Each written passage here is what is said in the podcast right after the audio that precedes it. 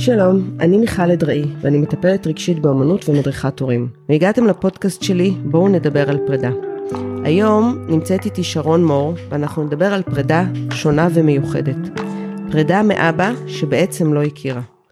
שרון היא יתומת צה"ל שמעולם לא פגשה את אביה, ניסן סובוטניק. הוא נהרג במלחמת יום כיפור, כאשר הטנק שלו חטף פגיעה ישירה והוא נהרג במקום. כשכל זה קרה, אימא שלה הייתה בחודש השביעי איתה בבטן. שרון נולדה כחודש וחצי לאחר שאביה נהרג, מבלי שהספיקה להכירו. בעקבות הסדרה שעת נעילה שעלתה בכאן 11 על מלחמת יום כיפור, שרון יצאה למסע מרתק בעקבות אביה. בסיפור חייה של שרון יש מורכבויות, פגישות לא מעטות עם פרדות. ביחד, אני והיא נדבר ונגלה ממי וממה היא נפרדה ואיך זה עיצב את חייה והשפיע על מי שהיא כיום. שרון בת 48 גרושה, אימא לשגב בן 18, רואת חשבון ומשפטנית, מנטורית ומלווה יזמים צעירים בהגשמת חלומות עסקיים. היא סמנכ"לית כספים, יועצת עסקית וקרייריסטית, ולא במקרה בחרה במסלול חיים מלא בתוכן והגשמה עצמית. אז שלום שרון, ואני מאוד היי. שמחה שאת פה. היי מיכל. ושתינו מתרגשות לקראת המפגש, הוא בהחלט אה, מעורר המון המון רגשות והמון אה, תחושות. אני מאוד התרגשתי לשמוע את הסיפור שלך. ובואי אה, ככה תתחילי בכמה מילים ובאמת תספרי לנו מה היה שם, איך זה התחיל. אז אה, אני יתומת צה"ל. הפעם הראשונה שככל הנראה נפגשתי עם פרידה משמעותית הייתה בגיל חמש. זה היה ביום העצמאות, זיקוקי דינור ברקע, ואבא שלי, שהכרתי שזה היה אבא שלי עד אותו רגע, סיפר לי שהוא לא האבא הביולוגי שלי. וואו, איזה חוויה, אימא'לה. מטלטלת. ממש. ושאבא הביולוגי שלי נהרג במלחמת יום כיפור. ובעצם זהו, מכאן אה, ציל החיים. אה, קלטת? היית בת חמש, בעצם אימא שלך לא דיברה איתך על זה אף פעם. לא היו בבית תמונות, לא היה עוד סבא וסבתא ששאלת מאיפה הם הגיעו, הייתה התעלמות מוחלטת בעצם מה, מהאבא הביולוגי שלך? אז בעצם זה הגילוי הראשון, זה הזיכרון ילדות ראשון שאני זוכרת, אין לי כל כך הרבה זיכרונות ילדות. ולא, אצלנו בבית לא דיברו, אני לא ידעתי על זה, אני הכרתי את התא המשפחתי הזה, ולא ידעתי אה, בכלל על, אה, על העובדה שהיה לי אבא נוסף שנהרג במלחמה. לא ידעתי גם למה סיפרו לי את זה בגיל חמש, אה, זה משהו שגיליתי רק שנה שעברה, okay. אוקיי. בגיל 47. הסתובבתי וגדלתי עם המון סימני שאלה מאותו רגע. כי ילד מרגיש. כנראה, אני, אני, שוב, אני לא יודעת להגיד מה היה שם, אבל זה כאילו היה טאבו, לא מדברים על זה, לא שואלים שאלות, כנראה בנו על זה שילד ישאל שאלות, אבל לא שאלתי. Uh, המסר כנראה היה שלא מדברים, זה סוד. את יכולה להבין למה? זאת אומרת, למה היה מסר כל כך, זה לא מובן מאליו שהמסר הוא חד משמעי, אל תשאלי שאלות, אל תדברי על זה, ולא מובן מאליו שיש ילדה כל כך טובה בבית שאכן עושה את זה. אני חושבת שהמסר היה כאב מאוד מאוד גדול. זאת אומרת, חווית את אימא שלך. בכאב מאוד מאוד גדול. כן. וכל פעם שהייתה כן שיחה על הנושא או איזשהו משהו, זה היה כרוך בבכי, ובאו שתיקה או סגירה של הנושא, כאילו בואי לא ניכנס לזה. זה לא משהו שנאמר, אבל זה היה מסר מאוד uh, ברור ב, בהתנהלות. זאת אומרת, את חושבת שבגיל חמש קלטת משהו, או שזה משהו שנאמר ושם זה נשאר עד שתכף נבין לאן זה יתפתח? אז שם זה נשאר, לא שאלתי, ש... עד כמה שאני זוכרת, כן? זה לא זיכרון שאני יכולה לדברר אותו, אבל זה נשאר שם, ומה שהבנתי שנה שעברה, שבגיל חמש, למדתי להטיל ספק בעצם בכל מה שקורה. כאילו, אם זה לא אמיתי, אז מה אמיתי בחיים? אני בעצם גידלתי ו- ופיתחתי חושים של דריכות וחשדנות, ושאלות של what if לימדו אותי, ליוו אותי כל החיים. זאת אומרת, כאילו בעצם כמעט שמטו לך את השטיח מתחת לרגליים, כי מי שחשבת שהוא אבא שלך, וזה הכי טבעי ונורמלי אה, שכל ילד אה, חושב שמי שחי איתו בבית וחי עם אמא שלו זה אבא שלו. פתאום הבנת שיש פה איזה סיפור ש... שאת לא יודעת איפה הוא מתחיל ואיפה הוא נגמר. לחלוטין, בדיוק ככה. זה לא כאילו שמטו, זה שמטו.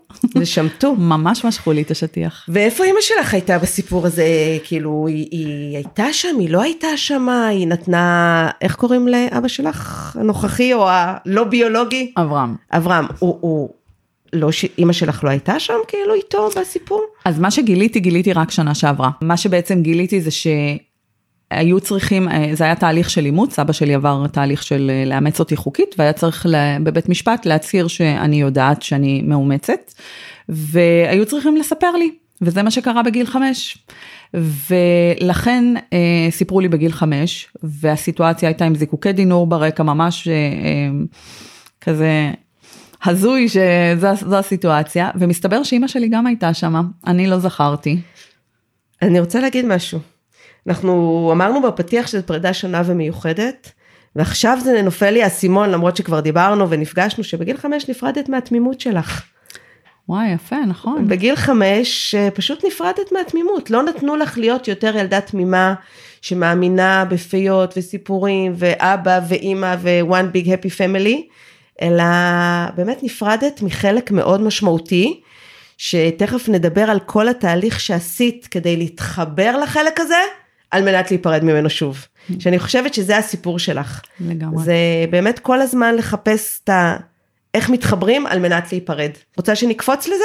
אז, אז במהלך החיים באמת לא, לא דובר. הסיפור שאני ידעתי הוא היה סיפור מאוד אה, לא הגיוני, איך אבא שלי נהרג, אה, הוא ניגש להציל את המפקד טנק, והמפקד טנק אה, נפצע, והוא ועוד חברו לטנק הנוסף נהרגו. וזהו, ולא ידעתי יותר עובדות, העובדות שיש בצה"ל הן לא נכונות, הן לא מדויקות. אה, ולא היה לי שקט. כאילו סביב אה, נגיד אה, כיתה ז' שעושים מין עבודות שורשים, ביררת, בדקת או שגם את זה ככה קצת עבודת שורשים, את רואה אפילו את זה לא זכרתי, אבל אני חושבת שבסביבות גיל 20 ומשהו, אני חושבת סמוך לגיל שהוא נהרג בעצם, mm. הוא נהרג בגיל 26. וגם את היית חיילת, כאילו זה גם איזה חיבור? אחרי, 26, כן. זה קצת אחרי, אבל אז הרגשתי קצת שאני צריכה אה, לבדוק, להתחיל לשאול. הרגשתי את הצורך הזה לברר, ולא מצאתי, לא מצאתי כמעט שום דבר, אה, לא בארכיון צה"ל ולא אה, בדרכים... הכרת אה, את המשפחה שלו? כן, הכרתי, אה, זה גם סיפור... אה, אה, מורכב. אה, הכרתי את המשפחה, אני קרויה על שמו שם שני, mm-hmm. זה שרון ניסנית, קראו לו ניסן. הכרתי את סבתא וסבא שלי, שסבא שלי נהרג, נפטר כשהייתי ממש קטנה, ודודה שלי, שהיא אחות של אבא, עם שלושה ילדים. אה, לא היינו בקשר מאוד מאוד טוב, לא קשר אינטנסיבי, הוא אפילו ניתק במהלך השנים. כשילדתי את הבן שלי, הזמנתי אותם לברית ובעצם ככה חידשתי את הקשר, סבתא שלי וסבא שלי כבר לא היו בחיים, אבל חידשתי את הקשר עם אה, דודה שלי. אבל זה לא קשר מאוד משפחתי, מאוד קרוב. אני ידעתי שיש בית של עוד סבתא וסבא, עם תמונות בכניסה של אבא שלי, דיוקן כזה, סוג של אה, אנדרטה כזאתי, כן. וזהו. אני חושבת שזה חלק מהתהליך של אימא שלך, שאני מדגישה, היא לא נפרדה, היא קברה. זאת אומרת, היא קברה את הזיכרונות, היא קברה את החוויה. כאילו, עוד פעם, אני חייבת להגיד שמשהו בלב שלי נורא מזדהה עם אימא שלך, עם הקושי של להיות בהיריון, של להיות מאוהבת, שאת מאבדת את האהוב שלך, שנולדת תינוקת, שאני לא יודעת כמה יכולות היו לה כאימא בהתחלה, וכמה זה היה מין חלום משותף. והיא לא יודעת מה לעשות עם עצמה. וכנראה די מהר היא מכירה מישהו, שאני משערת לי ש... חלק מההיכרות הייתה גם הישרדות, אולי הייתה שם גם אהבה, אולי היה שם איזושהי התאמה, אבל היה גם הישרדות. והיא אומרת, הילדה הזאת זה אנדרטה. הנה, יש לי את האנדרטה של ניסן, שהיה אהוב שלי, אבל היא שלי, אני לא רוצה לחלוק את זה עם אף אחד. לגמרי, ואני גם מאוד דומה לו, מסתבר מהתמונות. גם באופי? היום את יודעת? אני לא יודעת, אני יודעת כן. רק פיסת מידע אחת, שהמפקד טנק שלו, כשמצאתי אותו כבר והוא דיבר, אז הוא אמר שהוא הגיע אמ, מילואימניק צעיר לצוות, והוא ישר אה, התמזג ונהיה חלק מהחבר'ה, וזה ממש תכונה שהיא דומה לי, אבל מעבר לזה, אני ממש לא יודעת. וואי, זה באמת אה, לחיות עם איזושהי סקרנות נורא גדולה. סקרנות ו... ענקית. כל הזמן לשאול ולדעת ולרצות לדעת אם אני באמת דומה לו ואיך הוא היה ומי היה האיש הזה ואיך הוא הרגיש ואם הוא היה גאה בי. מדהים, כאילו זה באמת אה, שאלות נורא משמעותיות. ש... שאני חושבת שעשית תהליך מאוד מאוד אמיץ בלהחליט אה, באמת להתחבר ואחר כך להיפרד. כי כנראה שאי אפשר להיפרד אם אתה לא מתחבר, זאת אומרת יש משהו בפרידה שצריך אה, לעבור תהליך, והיית חייבת לעבור את התהליך מההתחלה. למה החלטת לבדוק עליו? זאת אומרת, מה, מה קרה, ב, ב, אני מבינה שזה קרה לא כל כך מזמן, בשנה, שנתיים, שלוש האחרונות, כן. שהחלטת אה, לפתוח את כל הנושא הזה? אז בעצם גדלתי בבית שלא מדברים, זה סוד, אה, זה אולי אה, אפילו משהו ש... פרשנות שלי היא להתבייש, או לא צריך אה, לדבר על זה, זה לא כזה, קברנו את זה כמו שאמרת, אבל תמיד היה בי יצר הסקרנות לדעת מה קרה, איך היה, לדבר עם אנשים אני אולי שהיו... מפסיקה אותך רגע, זה לא יצר סקרנות, זה יותר מזה. אני חושבת שזה כל הזמן מלווה אותך איזושהי עננה, שיש משהו שאת לא מבינה. נכון. וזה נורא קשה לחיות עם חוסר ודאות. נכון, זה חוסר ודאות, בדיוק, חוסר ודאות בדיוק. זה ה... זה לא הסקרנות רק, אלא זה באמת, כי, כי ילד מרגיש, כשאימא חווה משהו, ילד מרגיש, ואת לא יודעת מה את מרגישה. את חווית ולא יודעת להגיד מה חווית. נכון, והייתה מאוד, אה, לאורך השנים הייתה מאוד הזדהות ביני לבין אימא שלי, אני ממש הרגשתי את הכאב שלה ואת הקושי שלה.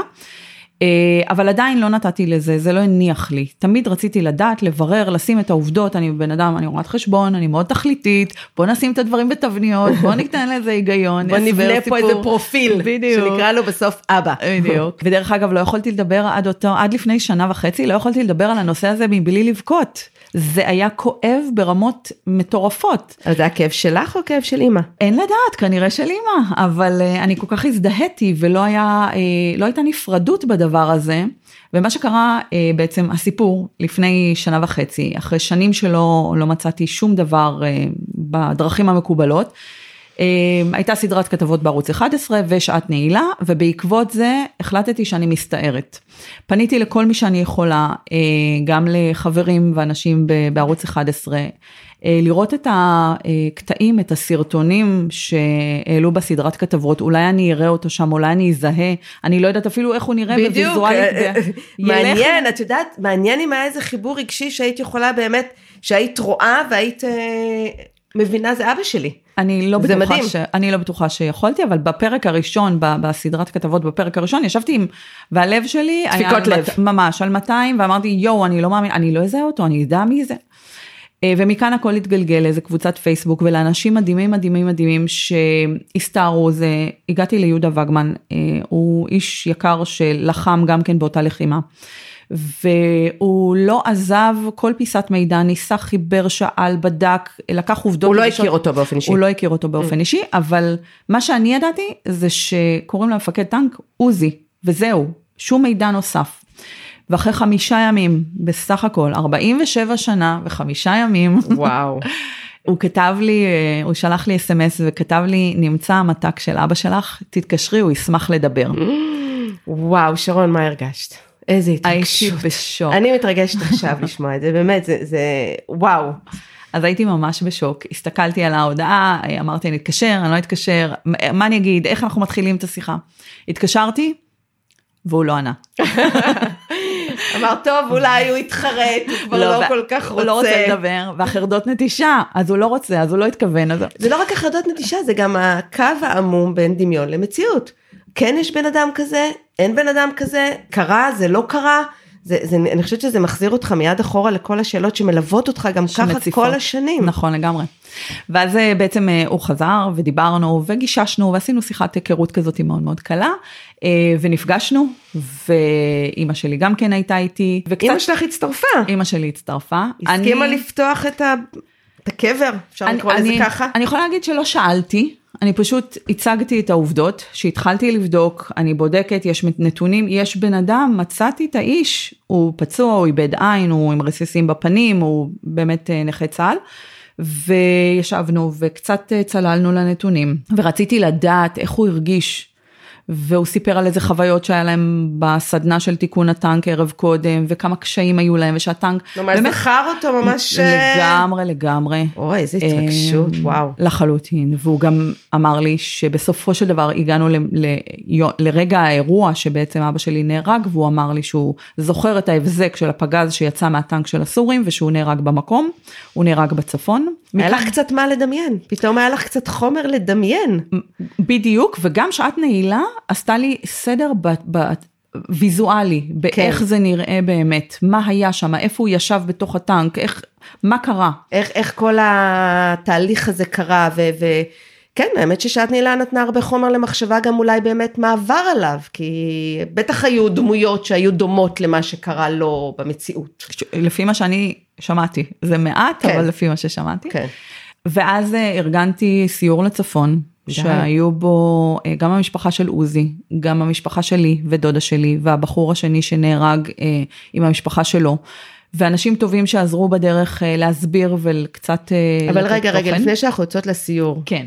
אני רוצה ככה לשמוע מה עבר עלייך, זאת אומרת, איך, איך, מה, אה, אה, פתאום ניסית לדמיין אותו, אה, חלמת עליו, אה, התחברת, או שאולי זה היה סיפור מרחוק של מישהו אחר שפחות מתחבר אלייך, לא, זה היה ממש סיפור שלי, אני ממש הרגשתי ש... אה, שנתנו לך את סיפור חייך. ממש, סיפ...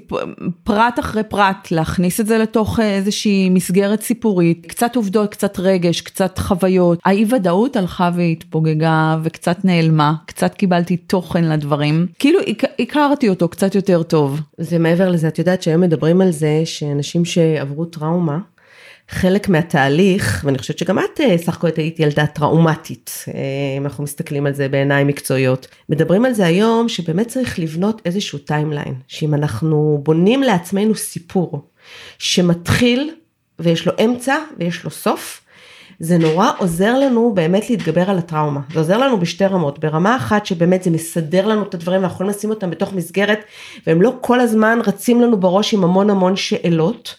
והדבר השני, שבאמת אנחנו יכולים לדבר על זה, ולחזור על הסיפור, יש לנו סיפור חיים, פתאום נהיה לך סיפור חיים. נהיה לי סיפור חיים, לא היה לי סיפור חיים, עכשיו אני יודעת איך הוא מדהים. נהרג. איפה, אה, אה, מה היה, מה הייתה החוויה, איך זה התפתח.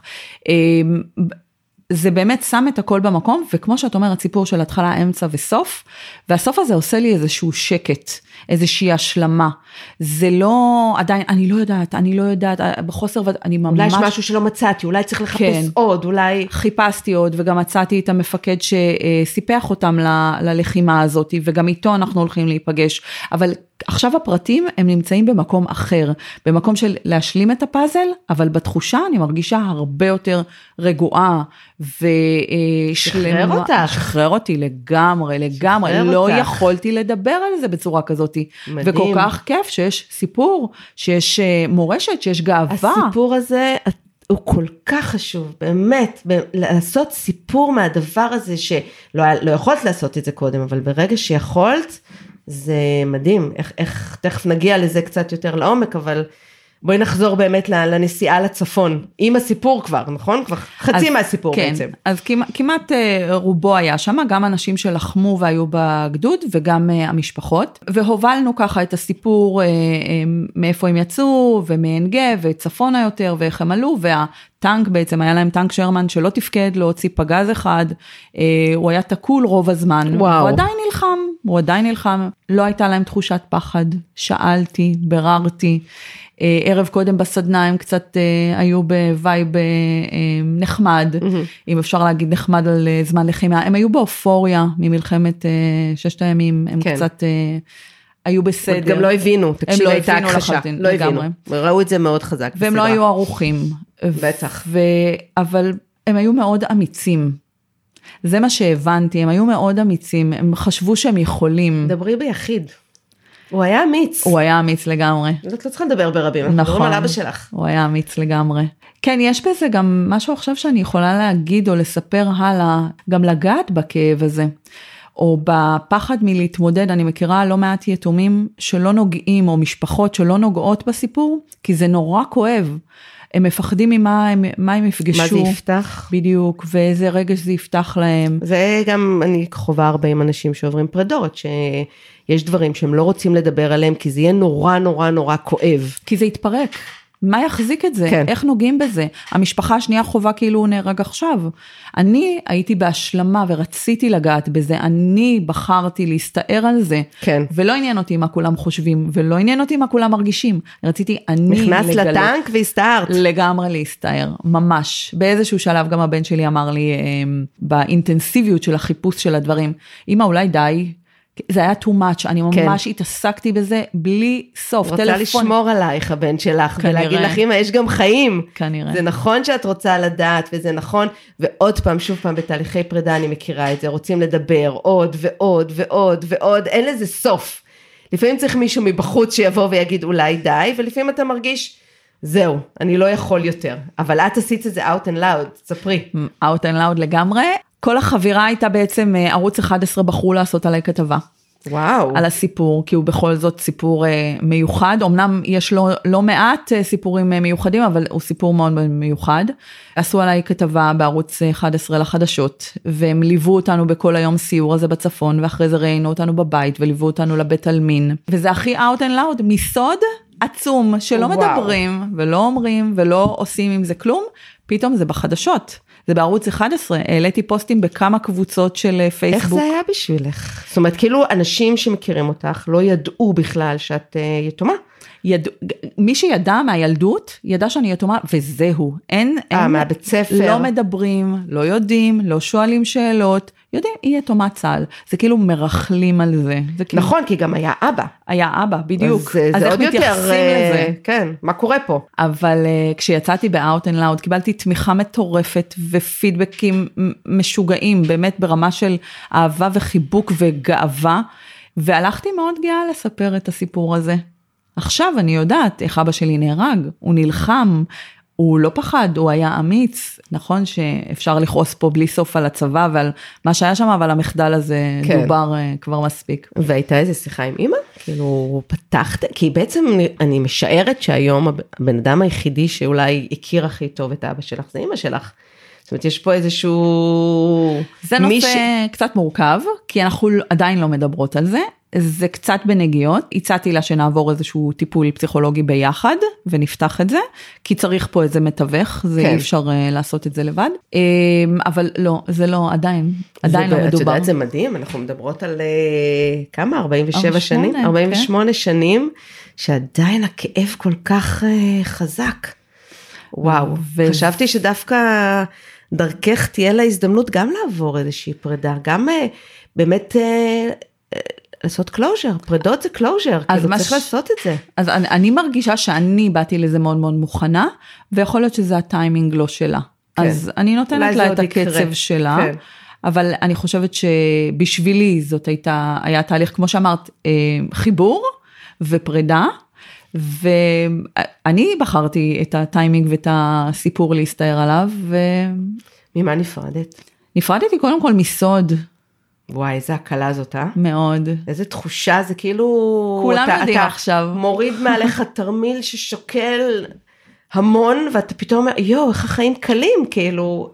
זה משהו שנורא מפחיד אנשים, עשית את זה, כנראה שאת בחורה מאוד אמיצה. אני כנראה. מכירה אותך, אבל אני לא מכירה את החלקים האלה שלך, אה, אבל באמת את בחורה מאוד אמיצה, כי לפתוח סוד, ועוד בצורה כזאת, צריך, אה, צריך אומץ. נדרשו... אז הנה, את דומה לאבא שלך, כן, הנה מצאנו עוד מקום כן. שאת דומה לאבא שלך.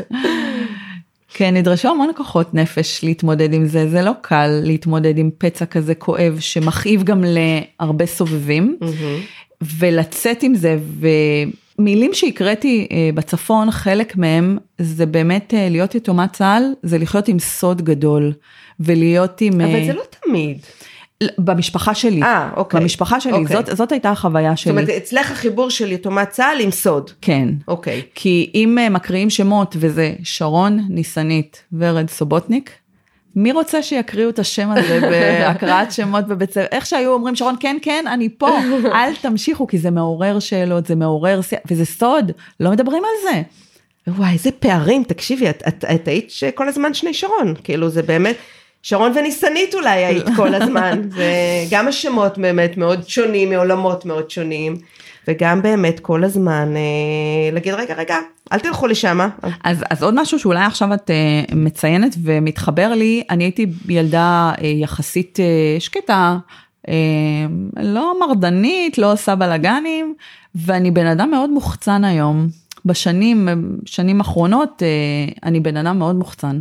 אני מאוד נוכחת, uh, וזה מתחבר לי לסוד, הנה תראו, אני פה, אני לא שקטה, יש משהו.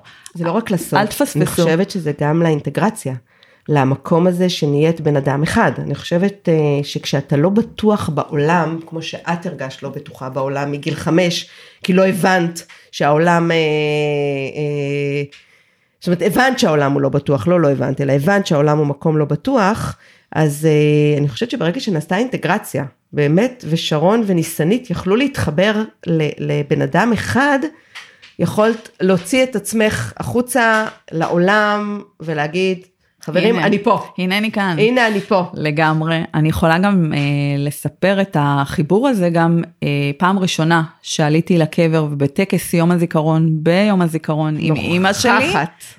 עם אימא שלי. והזמנתי את עוזי לבוא איתנו, זה הפעם הראשונה ביום הזיכרון האחרון, אחרי 48 שנה. וואו. זה משהו שכאילו קשה לת- לתפוס אותו בכלל. ממש. לא עלינו, לא עלינו, לא הלכנו לטקס ביחד. את יודעת, מבחינתך הזמן אין לו משמעות. כאילו זה לא משנה שעברו 48 שנה, זה באמת היה סיפור שהיה צריך להיסגר, ושיהיה לו התחלה, אמצע וסוף, כדי שבאמת אפשר יהיה לעשות פרידה משמעותית ולהגיד, אני שמה את הסיפור הזה במקום שהוא מתאים לו, אני לא שמה אותו בצד, אני לא קוברת אותו כמו אימא, אלא אני באמת שמה אותו בתוך איזושהי מסגרת שהיא מתאימה, ומכאן אני יוצאת לדרך חדשה. לגמרי, אני נפרדתי מסוד, מאי ודאות, עשיתי את זה הכי out and loud, כמו שאמרנו. כמו שזה מתאים לך היום. ממש כמו שזה מתאים לי היום. כן, לעשות לזה closure, גאווה, ולהמשיך הלאה. אז את ממליצה, נכון? זאת מאוד, אומרת, את ממליצה מאוד. לאנשים כן לחפש, לחקור, לשאול שאלות, לא להשאיר את הדברים אה, במקום הכבוי או המוסתר. שזה לא יפחיד אותם. זה מפחיד, זה קשה, זה לא קל, תעצומות נפש, אבל עדיין שווה, באמת שווה. למדתי ממך המון. תודה. תודה רבה. תודה. זו הייתה שיחה מאוד מרגשת.